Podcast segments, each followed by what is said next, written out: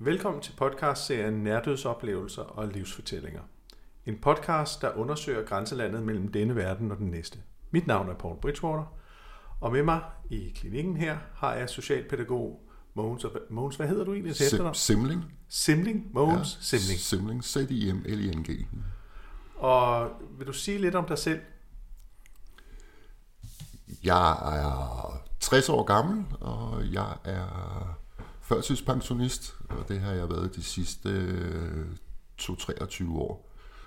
Har jeg fået pension, og har ligget derhjemme, og har været meget, meget syg hele livet faktisk. Og min sygdomsbillede, det løber meget, meget langt tilbage. Og jeg har taget tre uddannelser. En som øh, butikslagter, den tog jeg på to år og otte måneder. Eller to år 10 måneder, undskyld. Så, fordi han troede noget af min læretid af, fordi øh, han sagde, at jeg var en svend allerede den første dag, da jeg startede. Og så er jeg uddannet som portør op på Herlev. Og, men det var lige midt i forløbet, hvor øh, jeg blev slået ned som 25-årig. Og Ja, har været en masse igennem med sygdom efter det. Jeg Ja. er blevet slået ned som 25-årig ja, og fik smadret den ene side af kroppen. ja. Og du fortalte mig noget om en nærdødsoplevelse, du havde som 10-årig. Ja, Kan du fortælle mig mere om den? det kan du tro. Jeg var 10 år og var blevet passet op hos min øh, fars bror. Han var lam og var sådan en sædefødsel, så han sad i kørestol og var lam på brystet og nedad. Og så han kunne ikke lege med os, men øh, det var sådan en handicap. Hvad hedder det? Campingplads, så det var egnet til alle mennesker kunne være der jo. Og, men det var fortrinsvis handicappet, der var der. Og der var en swimmingpool, man kunne ligge og hygge sig i, og man kunne også gå ned i havet. Men øh, swimmingpoolen for sådan en 10-årig, den trak jo, og det var jo sjovt, der var noget vand og plaske i, så jeg hoppede ned i baljen, og de handicappede børn og ja, de små børn, der var deroppe på feriekoloni, de sad og kiggede ned ved kanten dernede, og jeg lå og hyggede mig og svømmede frem og tilbage i den lave ende og kunne nå bunden dernede og træde ned. Så blev jeg sådan lidt overmodig og tænkte, ah, du kan godt svømme ned i den anden ende, og det gjorde jeg jo så et par gange, og da jeg så nåede ud tredje gang, så røg jeg ned til bunden ude på midten. Og der fik jeg så min livs oplevelse med, at jeg blev simpelthen, da jeg gik ned på bunden dernede, eller gik ned og begyndte at tage vand ind, så kom der en, en nærdødsoplevelse, som, som, som vi snakker om her, så var det, at jeg blev suget ned et eller andet sted. Jeg kan ikke forklare, hvad det var, men først så startede det med, at lige da jeg drukner, så kommer der en masse mennesker, jeg kender. Mit liv farer simpelthen bare revy foran mig. Der er både folk, jeg kender, og folk, jeg ikke kender. Der er, der er mange mennesker, og det går stærkt alt sammen. Det går stærkt. Men jeg er ikke bange, jeg er ikke nervøs, jeg er ikke, øh, der sker ikke noget, og jeg har ikke noget... Det går bare stærkt. Mit liv passerer bare revy. Og med et, så bliver jeg suget ned i et hul. Faktisk suget ned, og så begynder jeg at køre ligesom i en å, hvor man ser en masse mennesker, der står op på kanten. Og de står bare og kigger på mig alle sammen. Der er ikke nogen. Nogle af dem kan jeg se som rigtige mennesker, og andre af dem, de er bare silhuetter eller skygger af sig selv. Og der er intet andet end det. Og det foregår stille og roligt. Jeg har stadigvæk ikke nogen angst eller noget, og jeg er ikke bange eller noget. Og i næste øjeblik, så vågner jeg op på kanten af bassinet og ligger og kaster op og brækker vand op. Er de her Og har mennesker, den her inde i hovedet, den her oplevelse, jeg har haft. og disse mennesker, du ser på kanten af åen, hvis man skal kalde det det, er de levende, er de døde, er de nogen, du kender? De står der bare, mm-hmm. og det er ikke nogen, jeg kender. Der er ikke nogen af dem. Det første, der med liv på revy, der kender jeg nogen af dem, men det næste, der sker der, jeg kender ikke nogen af dem, og der er ikke nogen, der vil tage min hånd. Mm. Og jeg kan heller ikke se min egen hånd, selvom jeg rækker hånden op til dem. Det gjorde jeg flere gange, rakte jeg hånden op, men der var ikke nogen, der tog den. Og sum, så var jeg tilbage igen og lå og brækkede mig op på kanten af, af bassinet og følte, at hvad skete der lige der? Var Det var noget der- underligt noget. Ja, prøvede du at forklare øh, nogle af dine oplevelser til, til, til dine forældre? Eller? Ja, jeg prøvede at sige det til dem alle sammen, men øh, de sagde alle sammen, jamen det er, bare, det er bare hjernen, der laver fjol med en. Mm. Så det var ikke noget, jeg skulle hænge mig i. Men øh, når man har sådan en oplevelse, så hænger det jo inde i en. Man kan ikke bare smide det fra sig. Det er umuligt at glemme det. Det vil altid hænge inde i en. Var det, altså det lyder skræmmende, det der med, med hullet, og at du farede afsted øh, på åen der. Var, hvordan var din sindsstemning? Øh, stemning? Der var ro på. Der var ingenting overhovedet. Ingen angst, ingen frygt. Der var intet. Der var heller ingen glæde. Der var, der var, ingen, der var ingen følelser. Det var bare noget, der, der skete. Eller de, kørte, de var der bare jo, de mennesker. Og jeg var der også bare, og så blev jeg ført tilbage igen jo, som, som vi snakkede om. Jeg lå og vågnede op der, og lå og kastet op. Mm. Og, altså nogen, der beskriver deres nærdødsoplevelse, beskriver lys eller engle eller mm, det Nej, der var gråt. Det var det var det var ikke der var ikke sol og lys eller noget, det var gråt. Ja. Det var som som en tusmørke aften. Ja. Vil jeg sige, ja. da jeg kørte på åen der med alle de mennesker der stod deroppe. Ja. Der var det sådan gråt det hele. Altså alt var gråt. Der var heller ingen farver. Nej. Og det var der, da jeg fik den første oplevelse. Der var der farver på. Der så jeg alle farverne af mennesker og det hele, og, og tøj og hvad det ellers havde på. Der kunne jeg se alle de der ting, der skete. Der var der farver på, og så gik jeg over i sort-hvid. Når du var ned? Da jeg røg ned til de der, den kanal ja. der med, med de mennesker der. Så de, de mennesker, du så i farver, det var der, hvor du sagde, at dit liv baserede revy? Ja. Okay. Og det andet, det var gråt. Ja. Og så, øhm, øh, altså, Mærkede du en, en forandring øh, hos dig selv før og efter oplevelsen? Blev du en anden af oplevelsen? Ja, det gjorde jeg. Der ja. skete noget med mig. Det, jeg, jeg følte mig voksen lige pludselig. Jeg kan ikke forklare, hvad det var. Du har fortalt mig en sjov historie om, øh, at der var nogen, der opdagede, at du kunne noget, og, øh, og hyrede dig til nogle weekendvagter, hvor du havde en bestemt opgave. Kan du forklare mig lidt om, om hvad det var for noget? Ja, det var, at jeg har arbejdet i brugerhjælpeformidlingen, og der tager man ud til folk, der er meget, meget syge, og ellers så får du det ikke bevilget i hvert fald. Men øh, der kom jeg så ud til nogle syge mennesker, og min chef, hun skulle jo lige finde ud af, hvad jeg var for en, fordi hun sagde, at jeg var meget overkvalificeret til mit arbejde, fordi jeg var uddannet pædagog. Så var man overkvalificeret til det arbejde, for det behøvede man ikke at være. Og så kom jeg ud til den første, og hun fik lynhurtigt en tilbagemelding på, at det havde været rigtig godt at have mig ude, og han gerne ville have mig. Det var en mand, jeg kom ud til på omkring 45-45 år. En håndværker, der var blevet skubbet ned ad en stige af nogle unge mennesker, der havde skubbet til hans stige på vej ned ad en trappe, så han havde brækket nakken. Mm. Og han var meget negativ, og han var sur. Mm-hmm. Simpelthen. Han var en vred mand over, han lå der. Han havde ligget der en 4-5 år, og han var træt af det hele. Ja, han har ligget der i fem år, han har ligget i den seng der, ikke? og været lam for halsen og ned efter. Og hvad, hvad var det, du gjorde? Man skal jo have empati, når man kommer ind til folk, jo. Og mm. jeg har, det har jeg altid haft empati for mennesker. Det har jeg altid haft at kunne. Altid været god til at komme i nær kontakt og snakke med dem. Så jeg satte mig simpelthen ned ved siden af ham, og så, siger jeg, så, så sidder jeg og holder hans hånd, og så siger han til mig, hvorfor holder du min hånd? Jeg er jo lam for halsen og ned efter, siger han, så jeg kan jo ikke mærke det. Mm. Og ud af min mund, der, der kommer der nogle gange et eller andet mærkeligt. Så siger jeg, men ved du hvad, din hjerne ved godt, at jeg holder din krop, så jeg så til ham, at jeg holder dig i hånden. Mm. Og der gik en halv time, så fik jeg hele hans livshistorie, og han mm. var så glad, den mm. mand der. Altså. Mm. Men da, da han så havde fået frokost, så sagde han godnat, og så lagde han sig ned og sov. Og det gjorde han resten af eftermiddagen, og jeg så ham først en time eller halvanden om aftenen, og så lagde han sig ned og sov videre igen. Så det var, meget, meget fredeligt at være ude sammen. Det var, det var en helt... Så han var jo rigtig glad, den mand der. Jo. Så han ville jo gerne have mig igen, jo. Men der var jo faste vagter på, så man har jo en fast gruppe i sådan noget, hvor man går ud i sådan nogle teams. Og jeg røg bare ind som sådan en ekstra der. Mm-hmm. Men det skete så, hver gang jeg var ude, så skete der et eller andet. Mm-hmm. Og hun fik så gode tilbagemeldinger på mig hver gang, så det endte med, at så hun ved godt, at jeg har et eller andet. Mm. Så hun begynder at sende mig ud til alle mulige mm. mennesker. Ja. Og prøver at sælge mine evner. Ja. For at give mig sorte penge for det. Det er jo vildt. Ja, det er jo vildt altså. Ja. Og så scorer hun selv det meste af det. Hun scorer selv 60-65 procent af det, og jeg får lige de sidste små håndører. Ja. Men det får jeg så stoppet efter tredje gang, jeg er ude. Så får jeg det stoppet, fordi jeg opdager det, at der er noget galt her. Ja, ja. Men, og altså, du mærker, ikke noget selv i hånden, vel, når du, når du arbejder med folk, men, eller hvad skal Mm. man sige, eller er... Men, Nej. men, men du ved, at du skal gøre det. Jeg mærker det i kroppen.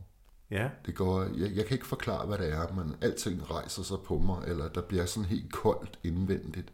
Ligesom, det er svært at forklare. Men det er, det er jo, ja, det er, der kan blive alle mulige, der, ja, ja, hvordan fanden skal man forklare det? du kan måske Men der, der, der fortælle bliver den, sådan et eller andet, Ja, her den sidste Øh, episode. jeg, jeg, jeg føler, at verden lukker sig omkring mig. mm-hmm. Altså, det som om, at der er ikke nogen andre. Hvordan Okay. skal man forklare det her? Altså, der er, der er, ligesom om, at jeg er inde i en kuppel. Ja, Jeg, kan, jeg kan ikke forklare det her anderledes. Altså, det er ligesom, at jeg kommer ind i en osteklokke. ja, Altså, det, det føles sådan, at jeg kan ikke komme ud af den, før jeg har gået hen og hjulpet den person, når, når osteklokken den først starter. Det er sådan noget underligt noget. Altså, jeg lukker hele verden ude, simpelthen. Der er ikke nogen andre end mig. Og den person, jeg sidder sammen med, der er ingen andre. Der findes ikke nogen andre. Verden er tom for mennesker. Jeg kan ikke forklare det på andre måder. nej, Det er sådan, det jeg føler det, når jeg skal sige det. ja. Men det lyder sikkert åndssvagt, men uh, ja. Nej, det lyder meget sandsynligt. Det kan jeg godt Ja. sætte mig ind i. kan du det? Ja, det kan jeg. Okay, det er jeg helt rystet over, du kan det. Prøv, øh, prøv at det er der aldrig nogen, der har kunnet før at sige sådan til mig.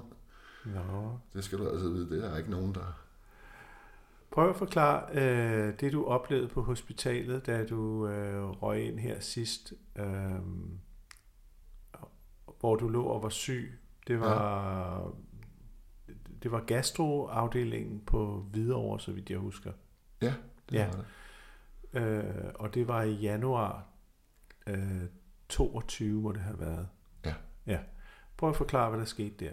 Øh, Jeg kom på hospitalet og havde det rigtig, rigtig skidt og havde mange, mange smerter i kroppen, efter jeg havde været blevet slået ned som 25-årig. Og der var der aldrig nogen, der havde vidst, at min galleblære var ødelagt.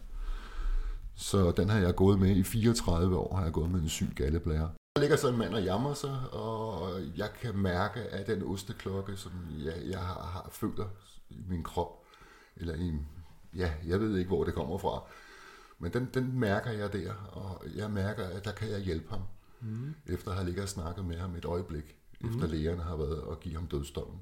Mm-hmm. Og så øh, skubber jeg stolen over til ham, og så sætter jeg mig derover og holder ham i hånden, og han ligger og sover på det tidspunkt. Så vågner han op, og så siger han goddag til mig, og det var også dejligt at se dig, siger han så. Og så lukker han øjnene igen og falder i søvn igen.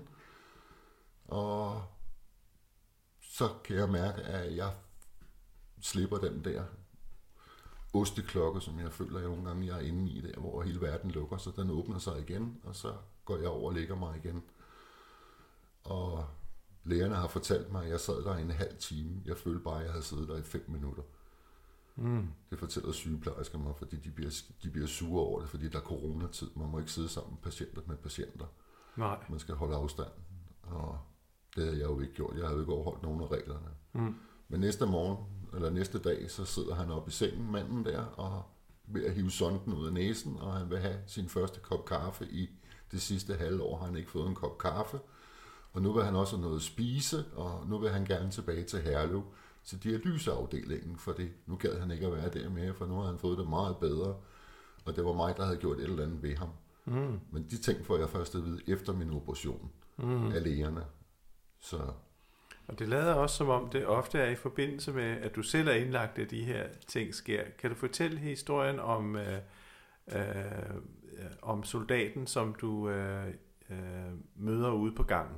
Ja, øh, det var der, jeg blev slået ned. Jeg blev slået ned i, hvor var det, vi blev enige om årstallet? Det var 83, 88? 88, ja. 88, der blev jeg slået ned til min morfars fødselsdag og ligger op med det her en smadret siden, har jeg fået smadret med ribben og det hele. Og ude på gangen, da jeg kommer derop, der ligger der en soldat, og han ligger under sin dyne og gemmer sig. Han viser sig ikke for nogen mennesker, fordi han har det så dårligt. Han har siddet i kunsten, eller været tortureret nede i Mellemøsten, og har siddet dernede i halvandet år næsten. Og er lige kommet til Danmark for 14 dage siden, og har ligget tre uger i Tyskland til, på hospital dernede. Og han sidder og gemmer sig under dynen, og jeg kan bare mærke ham, da jeg går forbi. Jeg kan ikke forklare det igen, hvad det er, men jeg får lyst til at sætte mig ned ved siden af ham. Og et, et stykke tid efter, en fem minutter efter, så stikker han hånden ud for dynen af, og så tager jeg den og sidder og holder den et øjeblik. Og vi snakker ikke om ret meget, vi måske lige sådan en to-tre ord frem og tilbage på to-tre sætninger, og så sidder jeg bare derude en halv time, og sidder bare ved siden af ham. Og går ind på min egen stue igen, og næste morgen så vågner jeg op at der står en sygeplejerske med hele sit ansigt nede i mit ansigt, og vækker mig og spørger, om jeg kan gøre det samme igen mm. med soldaten derude, fordi han har ikke sovet i halvandet år. Han er jo simpelthen ødelagt indvendigt jo, mm. og udvendigt også. Ikke? Så, så næste aften, så går jeg ud igen, og der sidder jeg og holder ham i hånden i måske 10 minutter derude, og vi måtte ikke ryge på gangene, så de åbner alle vinduerne op for oven ude på gangen, så røgen kan trænge ud, og så får ham og mig lov til at sidde derude og ryge smøger ude på gangen, og det var dybt ulovligt. Mm, så, så jeg sad hos ham i 11 dage, tror jeg det var. Mm. Sad jeg hos ham hver aften, så gik jeg hen til ham, også nogle gange om dagen, så bare lige for hen for at sige hej. Ikke? Men øh, allerede på anden dagen, der sov han hele natten. Anden dagen, der stod vi derude om morgenen og skulle ud alle sammen og vaskes, og han lå lige derude ved af toiletterne mm. og vaskerummet, og der lå han lige der i det hul, der var sådan et hak ind. Mm. Og der var toiletterne også, og så stod alle sygeplejerskerne og lægerne derude, de stod og sagde, skal være stille, han sover. og han ville ikke ind på nogen stue og ligge, fordi han var bange for små rum og alt muligt. Han havde meget angst og alt muligt, den soldat der. Og da jeg tog det op fra, så... Åh, det var undskyld. så blev jeg takket simpelthen med læger og sygeplejersker, og alle stod der, og hans soldater, kammerater, de kom mm. og takkede mig. Nogle store, wow, kæmpe fantastisk. brød har stået ja. der. Det var fantastisk. Du har også en historie om at være graver, så kan du fortælle uh, Ja, det, det kan jeg godt. Da jeg var omkring, der var, det var et par år efter, hmm. der arbejdede jeg på en kirkegård, og det første min mester siger den første morgen, der er nogle etiske regler her, og de skal overholdes. Og hvis du ikke overholder dem, så bliver du fyret. Hmm. Og det er, at man ikke går hen til nogle mennesker, der står og er i en livskrise og står og har en stor sorg. Mm. Den skal de have lov selv at bearbejde og komme her lige så meget de vil. Og man skal ikke henvende sig til dem, man skal bare lade dem være. Mm. Sådan er de etiske regler her, og det er sådan set det, jeg har, siger han så. Der er ikke meget andet end det. Mm. Så, men så stod der så en ung mand, fordi der står en ung mand herude, siger han så, på omkring 25 år. Og han har stået herude i det sidste år. Over et år har stået herude hver dag. For vi åbnede om morgenen, og til vi lukker om aftenen og porten bliver lukket. Så har han stået her, og han er i dyb sorg. Mm. Han har mistet kone og barn i en trafikulykke, hvor konen ulykket og blev kørt ihjel der. Mm.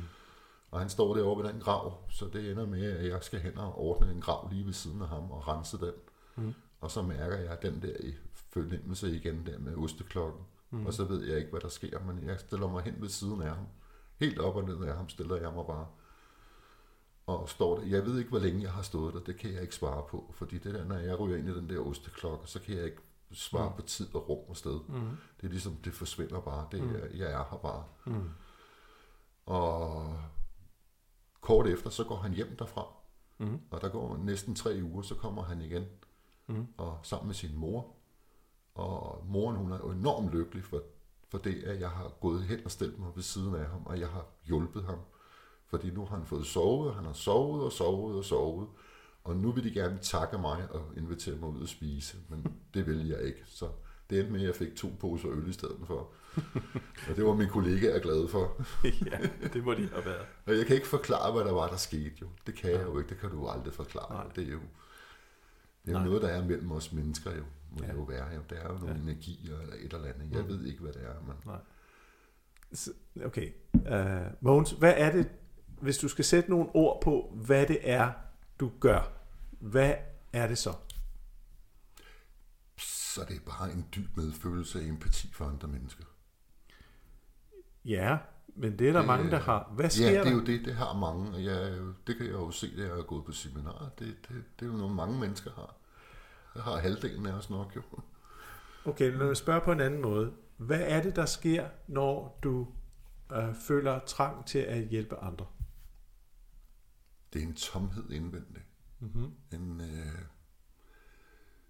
det, det, det bygger sig langsomt op. Det, det er som om lige snart det, det kommer, så begynder det langsomt at snævre sig. Det er ligesom, det kryber ind på mig. Jeg kan ikke mhm. forklare, hvad det er. det kryber bare ind under mig, huden på mig. Er det et frit valg, om du så hjælper de folk? Øh... Nej, jeg, jeg bliver nødt til det. Når, når, når situationen opstår bare spontant, så bliver jeg nødt til det, fordi ellers så, så render jeg rundt i den der osteklokke. Jeg kan ikke komme ud af den igen. Jeg ved ikke, hvad fanden der sker. Så render jeg bare rundt i det, så tænker jeg, så må jeg hellere bare gøre det, fordi så er det overstået. Og så gør jeg det bare, og så står folk der bagefter og tænker, hvad var det? Jeg tænker også selv, hvad var det egentlig? Øh, Hvis vi så skal øh, slutte, kan du så øh, kort fortælle om det, der sker den sidste gang, du er på operationsbordet i januar 2022? Ja. Øh, jeg som, så vågner jeg op, når jeg har fået at vide før der, der har jeg fået at vide, at chancerne for, at jeg vågner op af mig selv, den er mm, umulig. Det kan aldrig komme til at ske, så jeg skal have genoplevning for at vide. Fordi jeg er, jeg er så afkræftet, så jeg ikke kan mere. Og vi må lige hellere få fortalt, hvorfor er det nu, du ligger på operationsbordet her? Ja, det er fordi min galleblære er sprængt. Den er simpelthen ved at æde mig op indvendigt. Den har kravlet ud over alle mine organer. Den har kravlet ud over min lever og op over mit hjerte og hen over min bug. Den er på vej ud i over det hele. Okay, Og så du, æde mig op indenfra.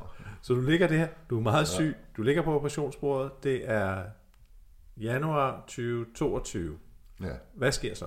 Så bliver jeg, jeg dør på vej ned i elevatoren, Mm-hmm. og bliver vækket igen dernede på bordet, bliver lagt i narkose Mm-hmm. igen, og kommer op på operationsbordet, bliver opereret, og det næste jeg husker, det er, at der er en, der siger, der er tre, det er nummer tre, siger han så, og så hører jeg ikke ret meget andet end lige en enkelt stemme, og så går der et øjeblik, så vågner jeg op igen, og så hører jeg, han siger, nummer 4 hører jeg så. Og jeg hører flere ting fra lægerne af. Jeg hører hende, der snakker til mig. Og jeg kan høre stemmer fra andre, der står sådan rundt omkring der omkring mig. Og der hører jeg fra nummer 3, 4, 5, 6, 7 og 8. Mm-hmm. Og den 8. gang, der siger han til hende, prøv at bande til ham. Det plejer nogle gange at hjælpe. Mm. Og så banner hun som en murarbejdsmand til mig. Mm-hmm. Mhm. Og så lige pludselig, så, så trækker jeg vejret. Og der har jeg hørt alt, hvad de har sagt i fra nummer 3 op til nummer 8 genoplevning, da jeg vågner op der. Der har jeg hørt alt, hvad lægerne har stået og sagt. Så du har Både ligget, at nu er han væk, vi mister ham. Og Så jeg du- har hørt alt, hvad lægerne har sagt med, hvad de skulle sige til hinanden, inden at det startede med, at de vækkede mig. Altså, de går i gang med genoplevning. Allerede inden der, der er jeg allerede ved bevidsthed. Mm. Og det kan lægerne slet ikke få forklaring på, fordi der er ingen ilt. Nej. Det skal de jo først tilføre, før de kan give mig stød og genopleve mig jo. Så ingen mennesker, der kigger på, ingen å, du bevæger dig henad, men, Ingenting. men en bevidsthed om, hvad der sker i rummet. Der, ja, og der var ro på, og det var dejligt. Ja. Jeg gad ikke at komme tilbage igen. Jeg havde bare lyst til fred og ro. Et helt liv i sygdom, så har man lyst til bare at slappe af og lukke øjnene. Har du nogle gode råd til andre, der har haft nærdødsoplevelser? Find en betroet en at snakke med. En, du virkelig stoler på. Som ikke griner af dig. Mm. For folk griner af en. Ja. De tror ikke på en. Nej. Og det var den oplevelse, jeg også havde op på hospitalet. Da jeg fortæller, da lægen, det, som de, noget af de sidste, de spørger mig om, Mogens, har der haft nogle paranormale oplevelser? Og så må jeg bare sige ja, siger jeg så. Og jeg vidste, det spørgsmål, det skulle komme. Mm. Jeg har haft mange, siger så. Og det har været alt muligt mærkeligt. Mm. Og nogle helt åndssvage ting. Har du nogle gode råd til alle os andre, der ikke har haft nærdødsoplevelser? Tro på, tro på os mennesker, at der er mere imellem himmel og jord. Det, Det må jeg sige. Det må jeg sige, det er der. Fordi det, jeg har selv oplevet det. Ja. Med de nærdødsoplevelser, jeg har haft, så er der. Det vil jeg ikke være i tvivl om i to sekunder. Mm. Mogens, tusind tak, fordi du vil fortælle din historie. Jeg tror, det er rigtig vigtigt at få fortalt, at få fortalt historier som din, så det kan hjælpe andre med at sætte deres liv i perspektiv. Og forhåbentlig også gøre, at folk ikke er helt så bange for døden. Og Den, tak skal til, man ikke, den skal man ikke være bange for. Nej. Og tak til jer, der lyttede. Og du kan finde denne podcast og andre artikler på hjemmesiden healinghelp.dk. Tak for nu.